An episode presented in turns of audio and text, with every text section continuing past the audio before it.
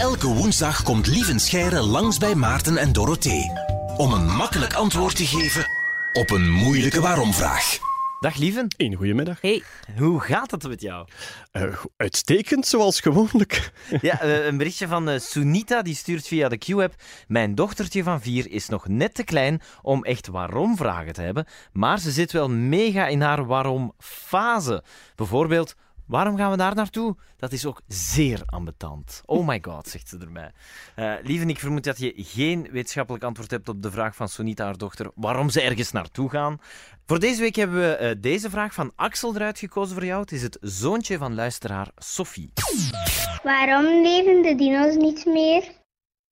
Ah, Ja, eigenlijk. dino's, heel populair. mhm. Dus ook de vraag, waarom leven de dino's niet meer? Leven de dino's niet meer? Wat denken jullie? Ik heb dino's in mijn tuin. Ik heb momenteel elf, dinosaur elf tamme dinosaurussen en tientallen wilde dinosaurussen. Oh, wacht, heb je het over de kip? Natuurlijk. Oh! Ah.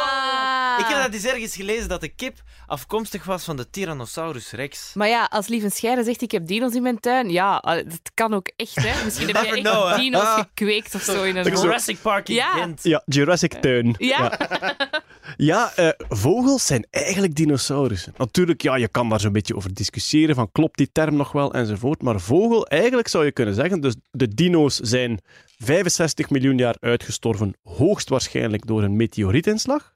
Ja. Maar één soort dino's heeft dat overleefd. En dat zijn de vogels.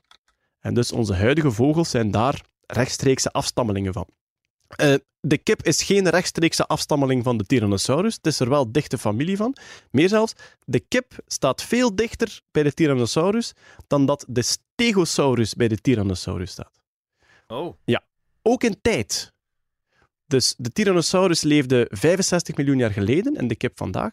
En de Stegosaurus was, ik denk, ergens 250 miljoen jaar geleden. Dus tussen de Stegosaurus en de Tyrannosaurus zit een kleine 200 miljoen jaar. En tussen de kip en de Tyrannosaurus zit eigenlijk maar 60 miljoen jaar. Ma. Dus de kip staat zowel in tijd als qua familieband veel dichter bij de Tyrannosaurus dan dat de Stegosaurus erbij staat. Je zou denken dat die dinosaurussen allemaal tezamen leefden, maar dat klopt dus ook niet. Daar waren ook serieus veel. Nee, die periode, dus eigenlijk zeggen ze van 300 miljoen jaar geleden tot 65 miljoen jaar geleden. Dus eigenlijk als je kijkt naar de volledige periode dat de dinosaurussen geleefd hebben, ruwweg 250 miljoen jaar lang waren de dinosaurussen de baas van de planeet. En dat is nog maar 60 miljoen jaar geleden. Ja, ja. Dus eigenlijk is dat, en nu moet ik eventjes snel rekenen, Een, een vijfde nu, ook Ja. ruw, hè, maar ja. Voilà, inderdaad. Dus van, als je de volledige periode bekijkt dat de dinosaurussen de baas waren op aarde, is er eigenlijk, sinds dat het gestopt is, nog maar een vijfde van die tijd Ja. voorbij. ja, ja. Dus wij zijn nieuw op de aarde. Natuurlijk, ik denk dat de vraag vooral ging over waarom zijn al die grote dinosaurussen heel plots uitgestorven, 65 65 miljoen jaar geleden. Je zei daarnet hoogstwaarschijnlijk een meteoriet. Hoogstwaarschijnlijk een meteoriet, omdat dat nog altijd... Pas op, de aanwijzingen zijn gigantisch dat het zo gebeurd is. 100% zeker zijn de wetenschappers daar nog niet van. Nu, ik zeg daar eventjes bij, er is weinig in de wetenschap dat echt 100% zeker is. Hè. Eh, eigenlijk, Richard Feynman, mijn grote held, een fysicus, die zei altijd, de wetenschap is een collectie van beweringen en aan elke bewering hangt een soort percentage. Van kijk, hier zijn we zo zeker van, hier zijn we zo zeker van. En hele gemakkelijke dingen, zoals het gewicht van water, ja, dat percentage ligt tegen de 100%. Maar hoe zijn de dinosaurussen uitgestorven? Hoogstwaarschijnlijk een meteoriet, geen 100%. Het kan zijn dat we over 10 of 20 jaar iets totaal anders ontdekken. Maar wat is er dan gebeurd, denk je? Een soort gigantische stofwolk? Of hoe moeten we ons dat voorstellen? Ja, dus hoe hebben ze dat ontdekt? Eh, eigenlijk, ze, ze, als ze keken naar, we vinden fossielen in de aarde. Het handige aan aardlagen is, hoe dieper je graaft, hoe verder je teruggaat in de tijd. Dus je kan eigenlijk naar beneden gaan en elke laag, omdat er ja, telkens nieuw stof neervalt, eh, een nieuwe afval, nieuw afval en nieuwe resten van planten en zo op de aarde vallen. Als je teruggaat, kan je eigenlijk mooi van elke laag zeggen, nu zijn we zo lang geleden, zo lang geleden, zo lang geleden.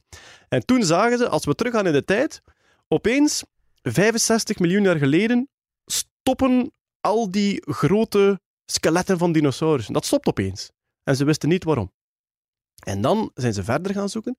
En wat bleek, net in die laag waar, het, waar ze verdwenen, die skeletten, lag een heel dun laagje iridium. En iridium is een chemisch element dat heel rijk voorkomt in meteorieten. En toen dachten ze, ah, het zou wel eens kunnen dat er een grote meteoriet ingeslagen is, een laagje iridium over de hele aarde, en terzelfde tijd alle dinosaurussen gestorven, omdat er een grote stofwolk was, omdat er hele grote bosbranden waren, omdat het voedsel verdween. Maar niet al de dino's zijn uitgestorven. Eigenlijk zeggen ze, als er een grote natuurramp gebeurt, zoals een, een, een gigantische tsunami, een gigantische vulkaanuitbarsting, dan wordt het heel gevaarlijk voor alle dieren die groter zijn dan een kat.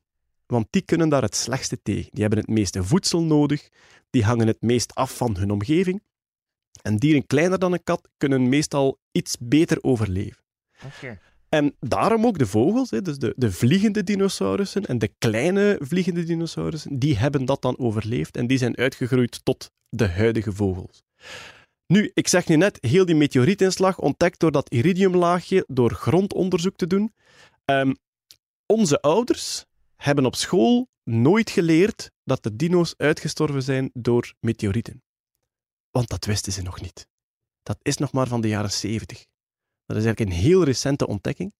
En sinds de jaren 90 beginnen ze dat echt pas als de gangbare theorie aan Ja. te nemen. Dat is eigenlijk nog maar ja, 20 jaar oud, die theorie. Oké. Ja, dus dat is een vrij recente ontdekking dat dat door die meteoriet gebeurt. Ik denk dat wij nu van de generatie zijn die daar altijd mee opgegroeid zijn. Al van kinds af aan Ja, werd ons verteld, ja. uitgestorven door een komeet. Dat is heel nieuw eigenlijk, ja. de nieuwe theorie. Maar dus eigenlijk zijn de dinosaurussen niet dood. Nee, de kippen zijn afstammelingen van de dinosaurussen. Vele biologen zeggen zelfs, het zijn gewoon dinosaurussen. En de genen van de dino's zitten nog verborgen in de kip. En af en toe wordt er in de wereld nog eens een kip geboren met een dinosaurushoofd. Omdat dat daar nog in zit en omdat dat soms door een foutje in de genetica teruggeactiveerd wordt. Wow. Dat is heel freaky wel. Ik weet- Zul- Zullen we eentje zoeken? Ja, ik wou net zeggen, ik ga er nu in googlen. Dankjewel, lieve Scheren. Met Tot plezier. volgende week. Ook een leuke waarom-vraag gehoord waar je zelf het antwoord niet op kent? Stuur ze zeker door via de Q-app met de hashtag waarom daarom.